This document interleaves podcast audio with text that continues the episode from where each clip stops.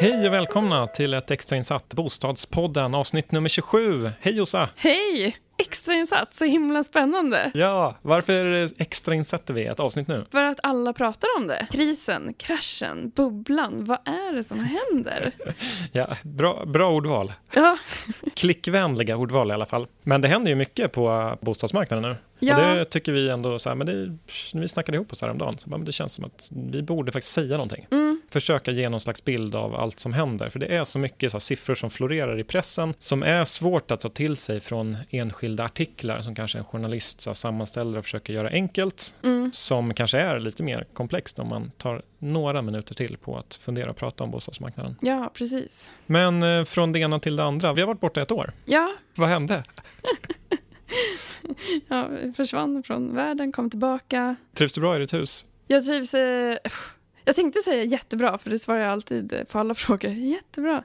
Men eh, ja, jag är jättenöjd med köpet, men vi har ju bara hunnit renovera halva huset. Mm. Så andra halvan är ju mindre trevlig att vistas i.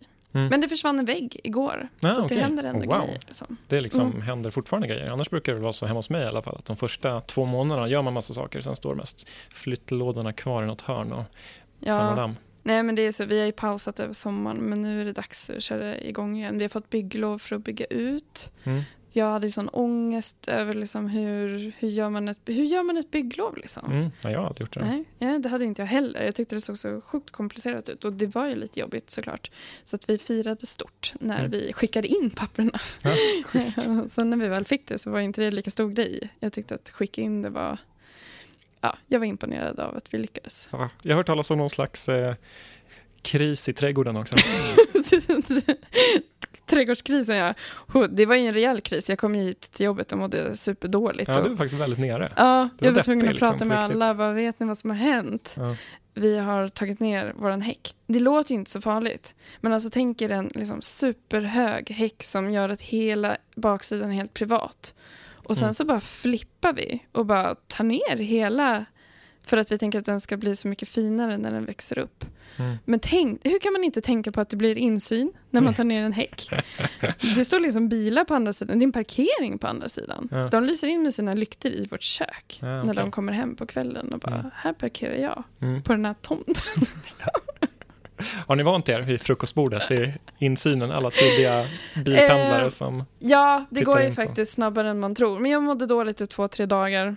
Och sen blev jag inte chockad när jag tittade ut längre och nu tycker jag faktiskt att det är ganska ljust. Mm. Ljust och fräscht. Ja, ljust när man tittar ut. Så ja. det, det, kommer att bli bra, men det kommer ju ta tre år innan vi har samma insynsskydd igen. Ja, och det var kanske inte genomtänkt. Nej.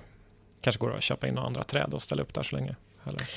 Nej, träd växer ju inte så fort alltså. Typiskt.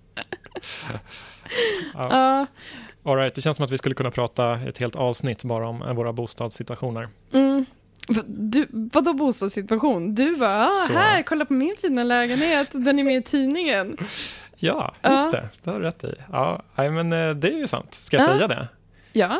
Ja, men eh, om vill se hur jag har det hemma hos mig. Det är ett inredningsreportage. Ja, för ni är ju ekorenoverat. Ja, exakt. Alltså, ekologiskt. Berättade jag det tidigare säsong kanske, att vi körde en eh, total renovering av, av vår nya bostad som vi, vi köpte då och körde alltid så ekomaterial. Eftersom min tjej var gravid uh, känns det superviktigt och vi har ju en liten son sen innan också. Superviktigt att ha minimalt antal som mjukgörande plastmedel och, och allting sånt där som kan vara hormonstörande. Så verkligen mm. försöka köra så mycket eko som möjligt. Så det har varit jättespännande. Det har varit lite, mm. lite experiment men uh, det har gått superbra, jätteenkelt. Ja, typ lika enkelt och billigt som att köra en så vanlig traditionell renovering. Vill mm. ni läsa mer om det så jag kan ju prata jättelänge om det men mm. det är inte därför vi extrainsatte ett Bostadspodden-avsnitt här. så om ni går förbi en tidningsaffär och vill se hur jag gör det så kloka hem ska man se ett inrednings... Tyvärr inte jag med. Ja, det är inte jag som är bäst på det här utan min, min mm. tjej är ju framförallt med där. Oavsett. Ja. Bostadsmarknaden. Mm. Alla pratar om det. Ja. Massa tidningsrubriker viftar förbi i flödet det är rekordmånga bostäder ute och det är även mm. rekordmånga som prissänks. Mm. Alltså folk som har bostad ute till försäljning men som sänker priset. Mm. Det är liksom fler än någonsin som gör det.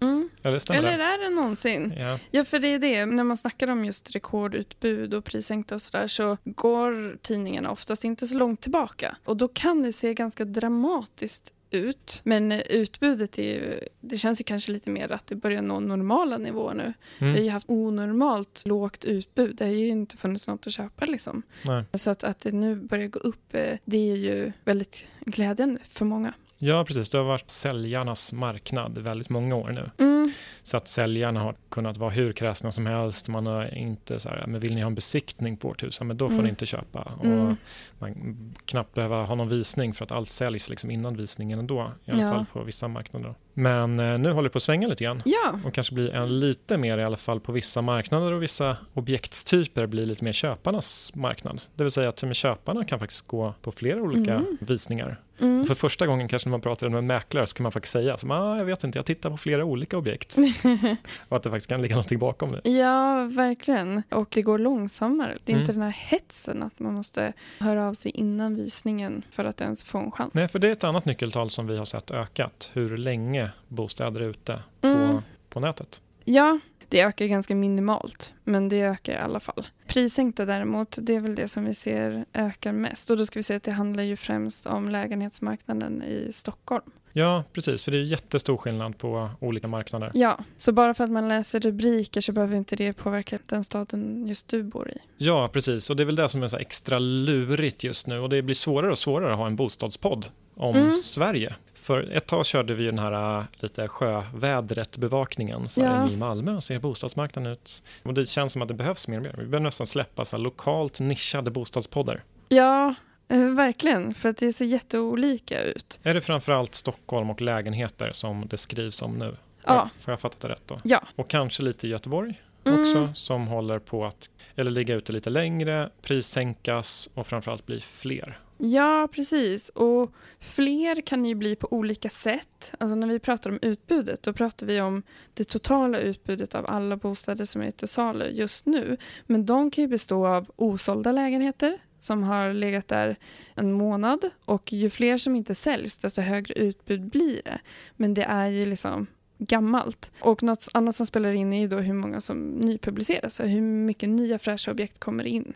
Eh, och bli, bildar det här utbudet. Och mm. det är mm. ganska mycket nytt som kommer in fortfarande. Mm. Mm. Så att alltså, utbudet ökar men det består till ganska stor del fortfarande av väldigt mycket nya lägenheter. Så det är inte bara att lägenheter förblir osålda utan det är faktiskt nytt som kommer in. Mm, okay. Samtidigt som att det tar lite längre tid, så det fyller ju på det här utbudet. Mm, just det. Buffrar upp liksom och blir fler och fler. Och sen mm. så återpubliceras också en hel del annonser. Precis. folk faktiskt inte får det de har, alltså de ska sälja sin bostad, får inte det priset de vill ha. Nej. Och då säger de så här, nej men vi tar och väntar ett tag och så tar vi och lägger upp annonsen igen om några veckor eller om några månader. Ja, och där tror vi att det kommer att komma mycket mer, för vi hör ju från mäklarna att det är skillnad säljarna förväntar sig ett pris och köparna förväntar sig ett mycket lägre pris. Mm. Och eh, säljarna vägrar sälja. Mm. Och när de vägrar att sälja så då ser vi inte att slutpriserna sjunker för att de säljer ju inte till mm. lägre priser. Utan det som händer är att de drar tillbaka sina bostäder och vi ser ju, eller vi hör att de börjar dra tillbaka bostäder men vi har inte börjat se att de börjar komma tillbaka än. Nej, men det kommer ju ta lite tid, det kanske är i januari. Man mm. kanske tänker sig men då börjar vi om när marknaden kommer igång i januari istället. Mm. Det är också många som nu inte behöver, de vill sälja först och köpa sen. Mm. Och då kanske inte det är någon kris. Jag kanske inte behöver sälja idag. Jag kan vänta tills saker och ting verkar ha stabiliserat sig. Mm. Eh, även om det finns jättemånga som såklart inte kan vänta. Mm. Om man skiljer sig eller får förändrade familjeförhållanden på något sätt mm. eller ska plugga eller... Livet händer ju medan bostadsmarknaden går upp och ner. Liksom. Och det är inte ja. alltid man kan anpassa livet till bostadsmarknaden. Nej, verkligen. Men eh, okej, okay, så Stockholm och lite Göteborg håller på, mm. framförallt lägenheter håller på att så här, det blir lite osäkert och säljarna får inte riktigt det de vill och kanske inte mm. det de fick för ett halvår sedan. Nej. Utan så att priserna håller på att liksom justeras lite grann. Mm. Är det här ett tecken på, så här, vi sa, eller du sa i början, så här, krasch, bubbla, för att locka folk att orka lyssna vidare? Ja, är vi där? Vi har pratat om det tidigare, vad är en bubbla, när spricker en bubbla och vad är en krasch? Vi har ju haft onormalt, eller kanske inte onormalt. Det har ju varit jättehöga prisuppgångar. Nu stannar det av. Så än så länge så, förutom att enskilda individer kan drabbas såklart väldigt hårt, så på det stora hela så är det ju väldigt sunt. Att det tar lite längre tid, det är lite lugnt. Det är stora affärer det handlar om. Det får ta lite längre tid och vara lite mer lugnt. Mm. Det låter ju väldigt härligt. Ja. Alltså från det här stressiga att vara på en visning i tio minuter och sen så behöva buda liksom flera miljoner, ja. sitt, livs, sitt livs största affär. För och så går allt jättesnabbt. Ja, precis. Och för köparen är det nog väldigt skönt. Det är kanske inte lika härligt som säljare att liksom höra mäklaren säga att det kom inte så många på visningen och Nej. vi har inte fått igång en budgivning än. Och så det är ju stressande på sitt sätt. Ja, det är en annan indikation. Så om man mm. läser tidningsrubriker, alltså att mäklarna har börjat faktiskt bli lite mer kreativa med olika sätt att locka folk till visningar. Jag såg någon lunchvisningar mm. som började eh, mm, komma igång här. Ehm, det har ju skett massa det är framförallt en nyproduktions... Det ska vi försöka hinna prata lite om också. Nyproduktionsmarknaden är ju mm. väldigt spännande mm. nu.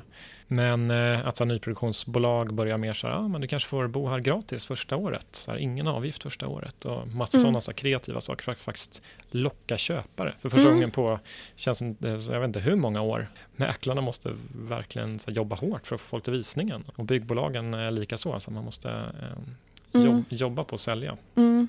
Jag kan ändå tycka att det är en så onormal ökning vi haft mm. senaste åren. Man generaliserar lite 10% per år. Så ja. det är ju en helt galen ökning. Jag hade nog varit mm. mer orolig nu om ökningen hade fortsatt. Ja. Och att man hade fortsatt öka 10 procent. Då hade vi kanske varit på väg mot en bubbla. Mm. Men så det som händer nu, som vi ser än så länge i alla fall, när det här avsnittet spelas in, mm. är ju så snarare en liten, en liten utjämning av kurvorna. Kanske med undantag från något nyckeltal som sticker iväg lite mer än liksom normalt då, framförallt i Stockholm på lägenheter. Mm. Men tittar man på villor i Stockholm nu eller så villor i landet så ser det väl ganska, då ser det väldigt stabilt ut. Mm. Hur är det? Är det antalet återpublicerade som... Andelen prissänkta är den som sticker ut. Just det. Så den är faktiskt rätt så hög. Det är ganska många som sänker priset lite Ja, och det är ju tips när man letar att kolla vilka som inte blev sålda och vilka som har prissänkts. Det. det. har man inte kunnat göra tidigare för Nej. att allting har bara sålts till mycket högre priser än vad som stod i annonsen. Ja. Är du ute nu och kollar? Nej, jag sa ju att vi precis rev en vägg så mm. att det inte, eh, vårt hus är inte så attraktivt att sälja just i den här fasen. så, nej, men jag blir väldigt sugen när mm. det blir mer att välja på. Då börjar man ju drömma igen. Så var, var skulle man kunna flytta? Ja, jag har ju börjat titta lite på villa. Jag vågar knappt säga det. Men, oh my god! Ja, nej, vi får... Det, får bli, det behöver ett eget bli, avsnitt tror jag. det får bli nästa avsnitt. Ja, nej, vi trivs jättebra så jag ska inte... Det är bara någon, någon skada jag får av den här podden, den här arbetsplatsen. Man blir så här, tänker så mycket på bostäder så man vill säga, ah, men kanske skulle det vara lite schysstare om vi... Man bodde någonstans. Gräset är lite grönare i, i den där trädgården. Ja, men det blir intressant att se. Jag menar, det vi vet om villamarknaden i Stockholm är ju att det byggs ju inte jättemycket nya villor. Nej. Till skillnad då från lägenheter där det Eh, och det ska vi gå in på mer med att nyproduktionen, där har det ju byggts supermycket de senaste åren. Mm. Och eftersom det inte byggs lika mycket villor så är frågan hur hårt den marknaden kan drabbas jämfört med lägenheter. Precis. Så här, om man ska sammanfatta lite, nu blev det lite ostrukturerat här, men om man ska sammanfatta lite, så de nyckeltalen som det skrivits om i media nu mm. och de vi ser också är antalet prissänkta, mm. där de ligger på 15 procent i Stockholm, eller 10, 10 procent. Och då har vi ju gått upp bara på några veckor. För några veckor sedan låg det nere på 4-5 procent. Mm. Det har kommit ganska plötsligt nu. Precis, plötsligt nu många som prissänker sina... Så det är mm. ett så nyckeltal som det skrivs om och som mm. är, som är värt att hålla ögonen på. Mm. Eh, och det andra är antalet publicerade annonser som så här, men det är många. Och nu tittar vi mm. då på lägenheter i Stockholm eh, mm. framförallt. Som är den eh, där det händer mest. Eller det totala utbudet kan man ju också ja, titta på den. Precis, men i Stockholm fortfarande? Ja. Eller? Ja, precis, i Stockholm. Vi, vi fokuserar, det kanske låter lite knäppt att vi fokuserar så mycket på Stockholm här, men vi vet ju sedan tidigare att Stockholmsmarknaden brukar ju dra med sig resten av landet. Mm. Så när det går upp på Stockholmsmarknaden så brukar övriga landet med lite eftersläpning följa med till mm. stora mm. drag. Inte enbart, Malmö har haft en helt egen marknad till exempel som har varit mer beroende av Köpenhamn mm. och Danmark i helhet. Så det finns ju vissa undantag såklart. Men även liksom i tider när priserna sjunker så kan Stockholm då gå före Mm. Så därför så blir det intressant när Stockholm utmärker sig på något visst sätt. Och det som är extra intressant nu är ju kanske om Stockholmsmarknaden faktiskt skulle dra med sig andra, dels andra sektorer, så här, jag vet inte, finansmarknaden mm. eller så här, att vi får en konjunktursvängning. Mm. Eh, men, men också eh, andra bostadsmarknader. Ja. Jag skäms lite också för att vi pratar så mycket Stockholm, men, men mm. det är ju där som man ska försvara det lite, det, det händer mest nu. Och Uppsala. Och Uppsala, just det, vi måste ja. prata om Uppsala. kanske blir en bra segway till uh, nyproduktions... Ja. Vad, vad, händer på nyproduktionsmarknaden? Vad händer i Uppsala på nyproduktionsmarknaden? Eller egentligen totalt, jag vet inte om ni har tänkt på det, men det har ju varit i media. Det byggs för lite, det byggs för lite, folk har ingenstans att bo. Och sen helt plötsligt så bara kom det artiklar det byggs för mycket, det byggs för mycket. Mm. Och till och med jag hann bli lite chockad däremellan, så vad, vad hände? Mm. Och då är Uppsala ett väldigt intressant exempel på det. Mm. Vi kikade lite på det tidigare och då såg vi i Uppsala så är det nu fler nyproduktionslägenheter till salu än begagnade.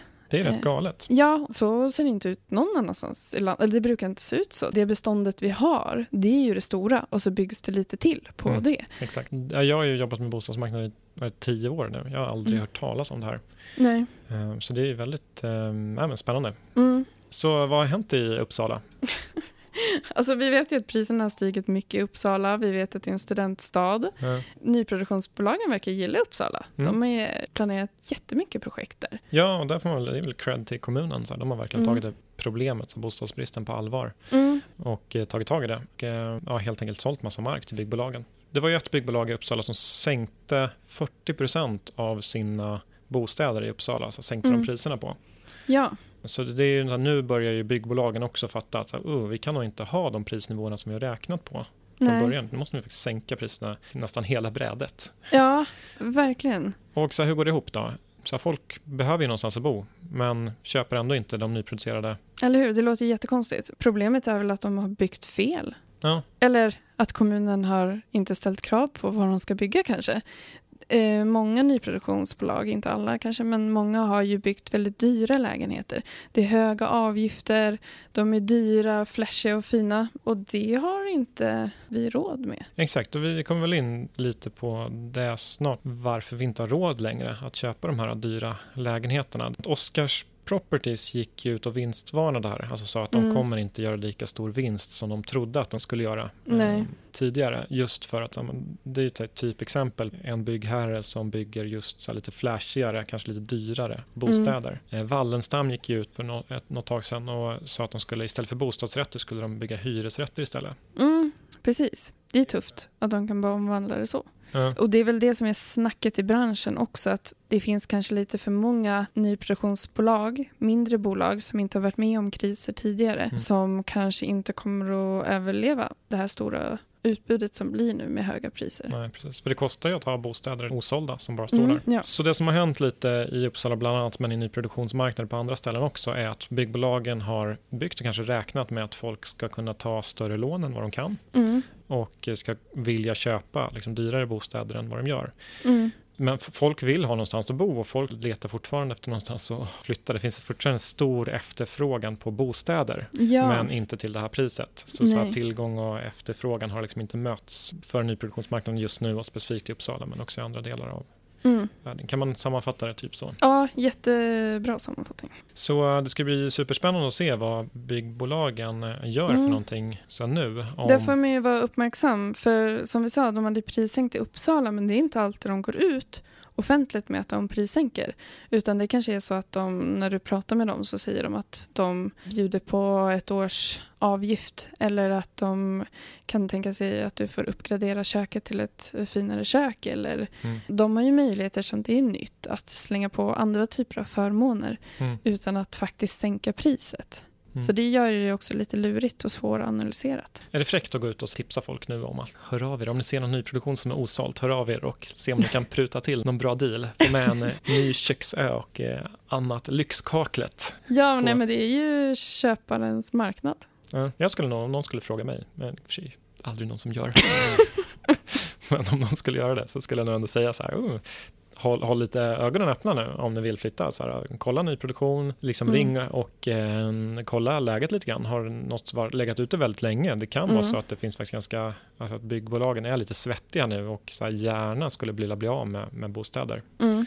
Mm, Vad beror det här på då, Kalle? Där finns det ju lite olika hypoteser och det är, ju, det är så otroligt komplext det här. Det är ett så här kaotiskt system som eh, man kan prata länge om också. Men en hypotes i alla fall är ju att det är faktiskt svårt för folk att låna pengar, eller lika mm. mycket pengar och fortsätta låna för att stödja den här prisuppgången. Mm. Och att det som händer nu faktiskt är att bankerna har stramat åt lite grann. Mm. För om man tittar historiskt så dels var det amorteringskravet eller ska vi kanske börja lite tidigare till och med? Börja med vad var det som drog upp priserna från början?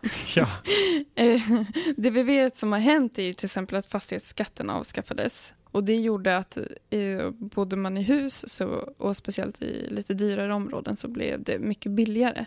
För den ersattes med en avgift som är mycket lägre för de flesta än vad skatten var. Så det började och sen började ju de här räntorna att sjunka. Och det, ingen trodde ju att de skulle kunna sjunka så lågt som Nej. de har sjunkit och det bara fortsätter sjunka och folk har bara stått med och gapat. Det är ju jättelåga räntor. Ja, så bankerna har varit liksom relativt generösa och det varit ganska billigt att låna pengar och mm. man har kunnat få låna ganska mycket pengar. Mm.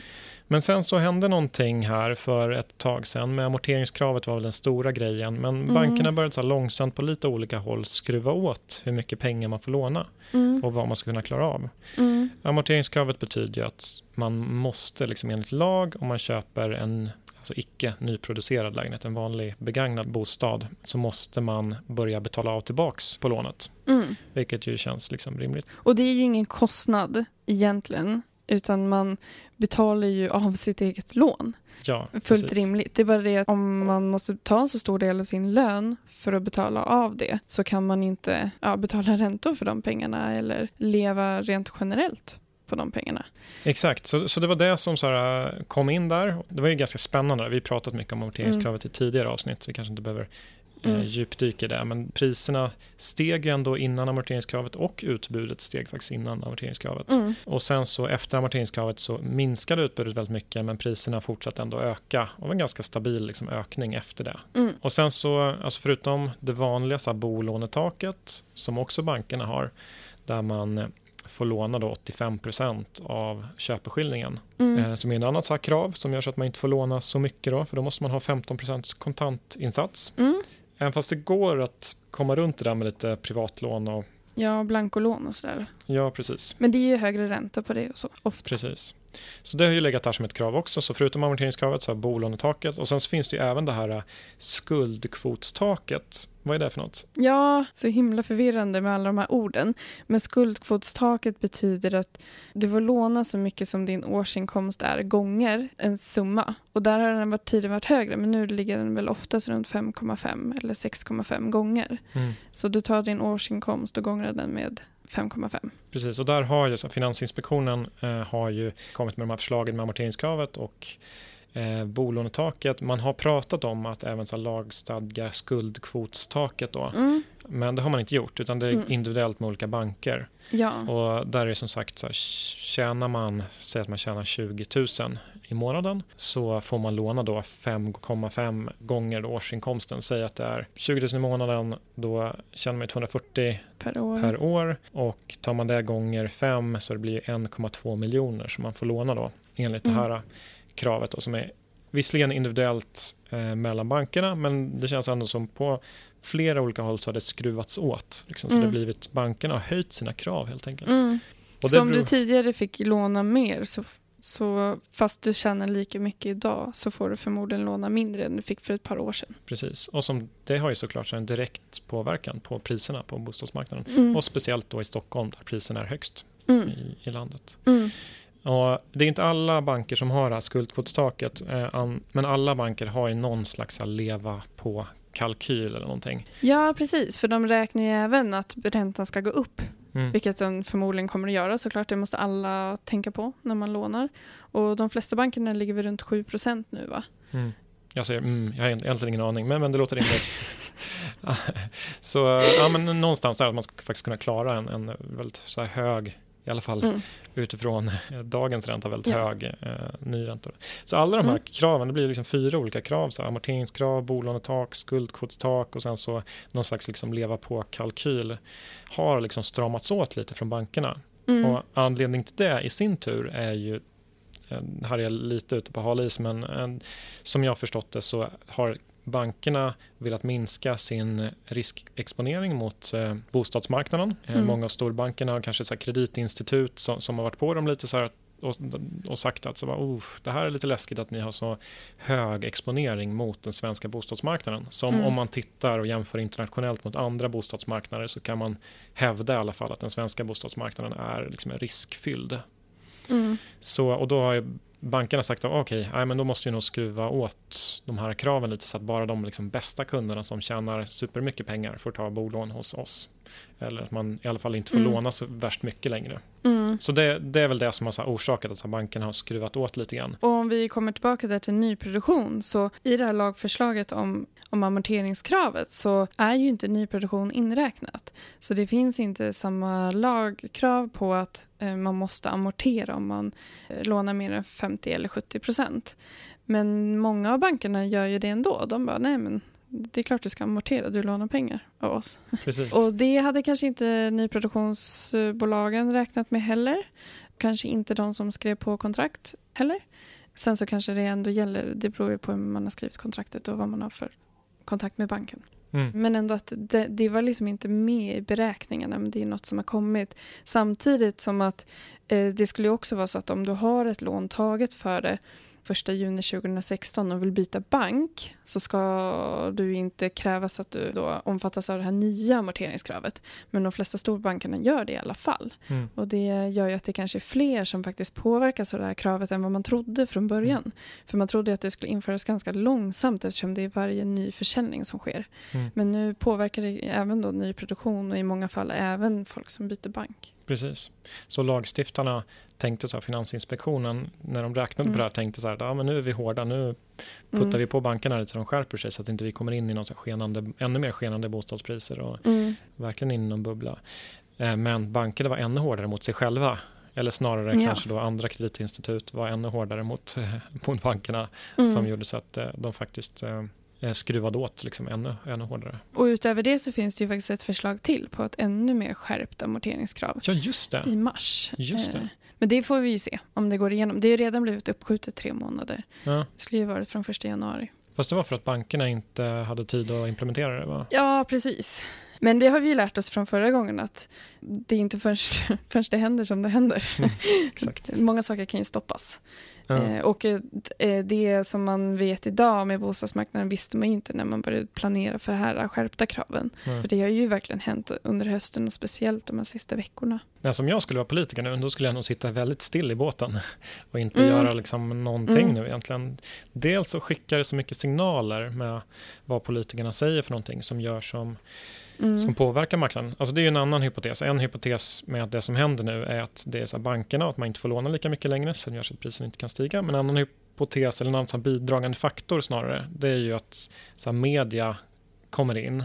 Mm. Det är därför ett så kaotiskt mm. system, för det blir det blir ett system som matar sig självt. Liksom med, ja. så, att, så, att, om det händer någonting på bostadsmarknaden så går media in och säger så här, oh, titta nu får mäklarna inte lika många på visningen längre. Som gör så att då kanske det kommer mm. ännu färre på visningen. Mm. För att då tänker folk som ser det här att oj, nu verkar det hända något. Så här, nu kanske jag, jag väntar lite med att flytta då. Mm.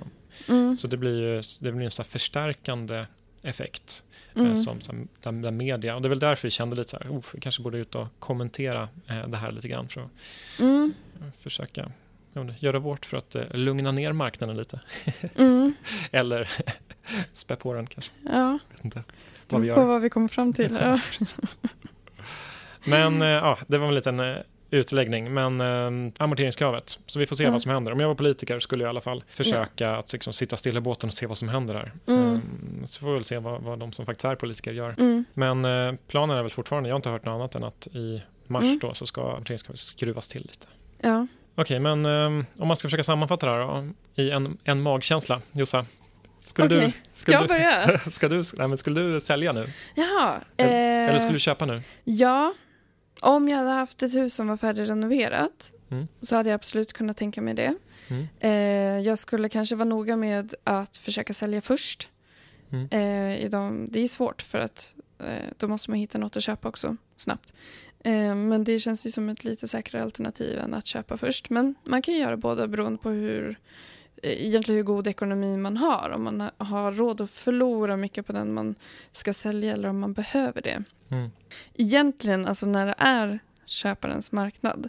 Det är då man ofta har chans att byta upp sig eller göra ett bättre köp. Det är det att ofta är man ju alldeles för rädd. Mm. Jag menar, vem vågar köpa när, när alla tidningar säger att vi är på väg in i en kris? Men om man vågar det och man har liksom möjlighet så hade jag kunnat tänka mig göra det i alla fall. Mm. Eh, men då får man ju räkna på hur mycket, om man om man redan har en bostad, liksom, hur mycket kan man få ut? Hur mycket har man råd att förlora på den för att sen lägga in i nästa?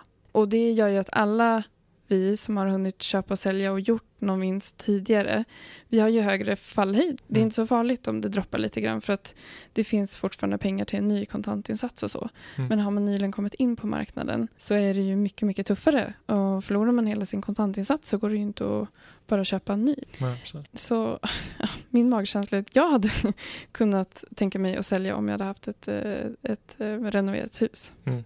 Ja. Du då, Kalle? Nej, men alltså jag är väl, alltså det är helt omöjligt att förutspå framtiden. Eh, så vi kanske nästa extrainsatta bostadspodd kanske blir så här, nu kraschade det. Ja. Eller så har vi ett om eh, några månader där vi sa så här, nej men det händer typ ingenting.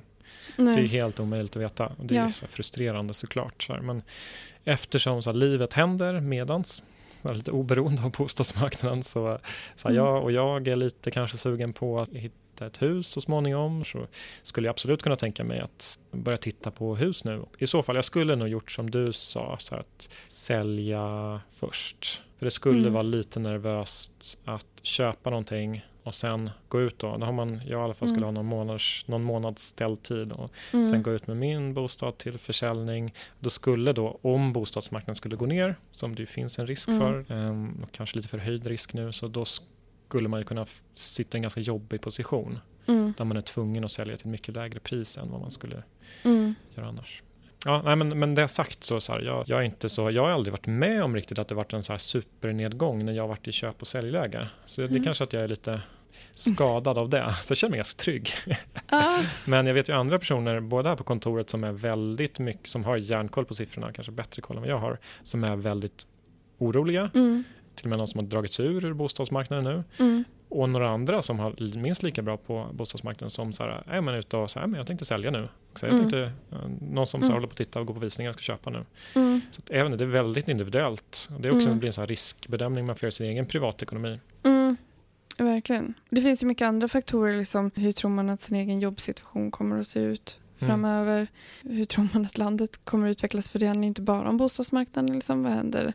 Det läskiga är egentligen så här, vad skulle hända ifall räntan gick upp? Mm. Skulle folk ha råd att bo kvar då? För just nu så finns det egentligen ingenting som säger att du måste sälja förutom om du hamnar i en liksom, personlig situation liksom, där du måste sälja. Men det är inte så att det är jättemånga som har blivit arbetslösa och inte kan betala sina räntor och lån. Det är det inte just nu mm. i alla fall. Men blir det så, då skulle jag vara nervösare. Ja. ja. Nej, men något man kanske skulle göra ändå, nu när jag tänker efter lite mer. Jag skulle nog kanske ändå räkna lite mer så mm. på min privatekonomi och så här, se till att jag har kanske lite mer buffert där än vad jag mm. eh, skulle haft så tidigare. Riksbanken pratar ju fortfarande om så här, räntan ska upp. Mm. Liksom, snart kommer den gå upp. Mm. Jag skulle nog kanske inte belåna mig lika mycket då, nu som, som jag kanske varit beredd att göra tidigare. Nej, och om många tänker så som du, mm. då blir det kanske lite lägre priser. Mm, faktiskt. För företag, det är många har ju varit beredda att låna sig otroligt mycket för att ens ha en chans att köpa någonting. Mm, exakt. Ja, men schysst, nu fick vi prata mm. av oss lite. Jag, jag känner mig lite lugnare, det känns skönt. Mycket tankar som bubblat här sistone. Ja. Ska vi eh, försöka tacka för oss? Mm. Det var kul att vara tillbaka här i studion. Ja. Hoppas eh, ni tycker det var, var helt okej att höra oss och, och prata lite. Hör jättegärna av mm. er. Som vanligt mm. så finns jag på Kalle Nilver på Twitter mm. och du finns på Josefin Ling. Eh, ja, precis. På Twitter. Så kan man mejla också, ja. kalle.boli.se. Mm. Eller josefin.boli.se om man har några frågor. Vi försökte mm. lansera en hashtag på Twitter där, det gick ju inte ja. jättebra. Nej. Det verkar som att många Bostadspodden-lyssnare inte hänger på Twitter lika mycket. Twitter är ju på nedgång, äh, läste jag. Jaså, det senaste? Också. Typiskt. Jag gillar ju Twitter. Ja. Får jag hänga på Insta-stories istället. Ja, okay. Har vi någon hashtag där? Nej, det har vi inte. Ja, all right. Eh, men eh, tack för oss. Hör ja. av er. Vi kommer säkert fortsätta köra ett extrainsatt avsnitt om det mm. händer något spännande på marknaden. Mm. Annars släpper vi lite, så här, lite pressmeddelanden då och då med, med ny statistik som vi tycker är intressanta. Så mm. eh, håll gärna utkik för det också. Mm. Tack för oss. Hej! Hej då!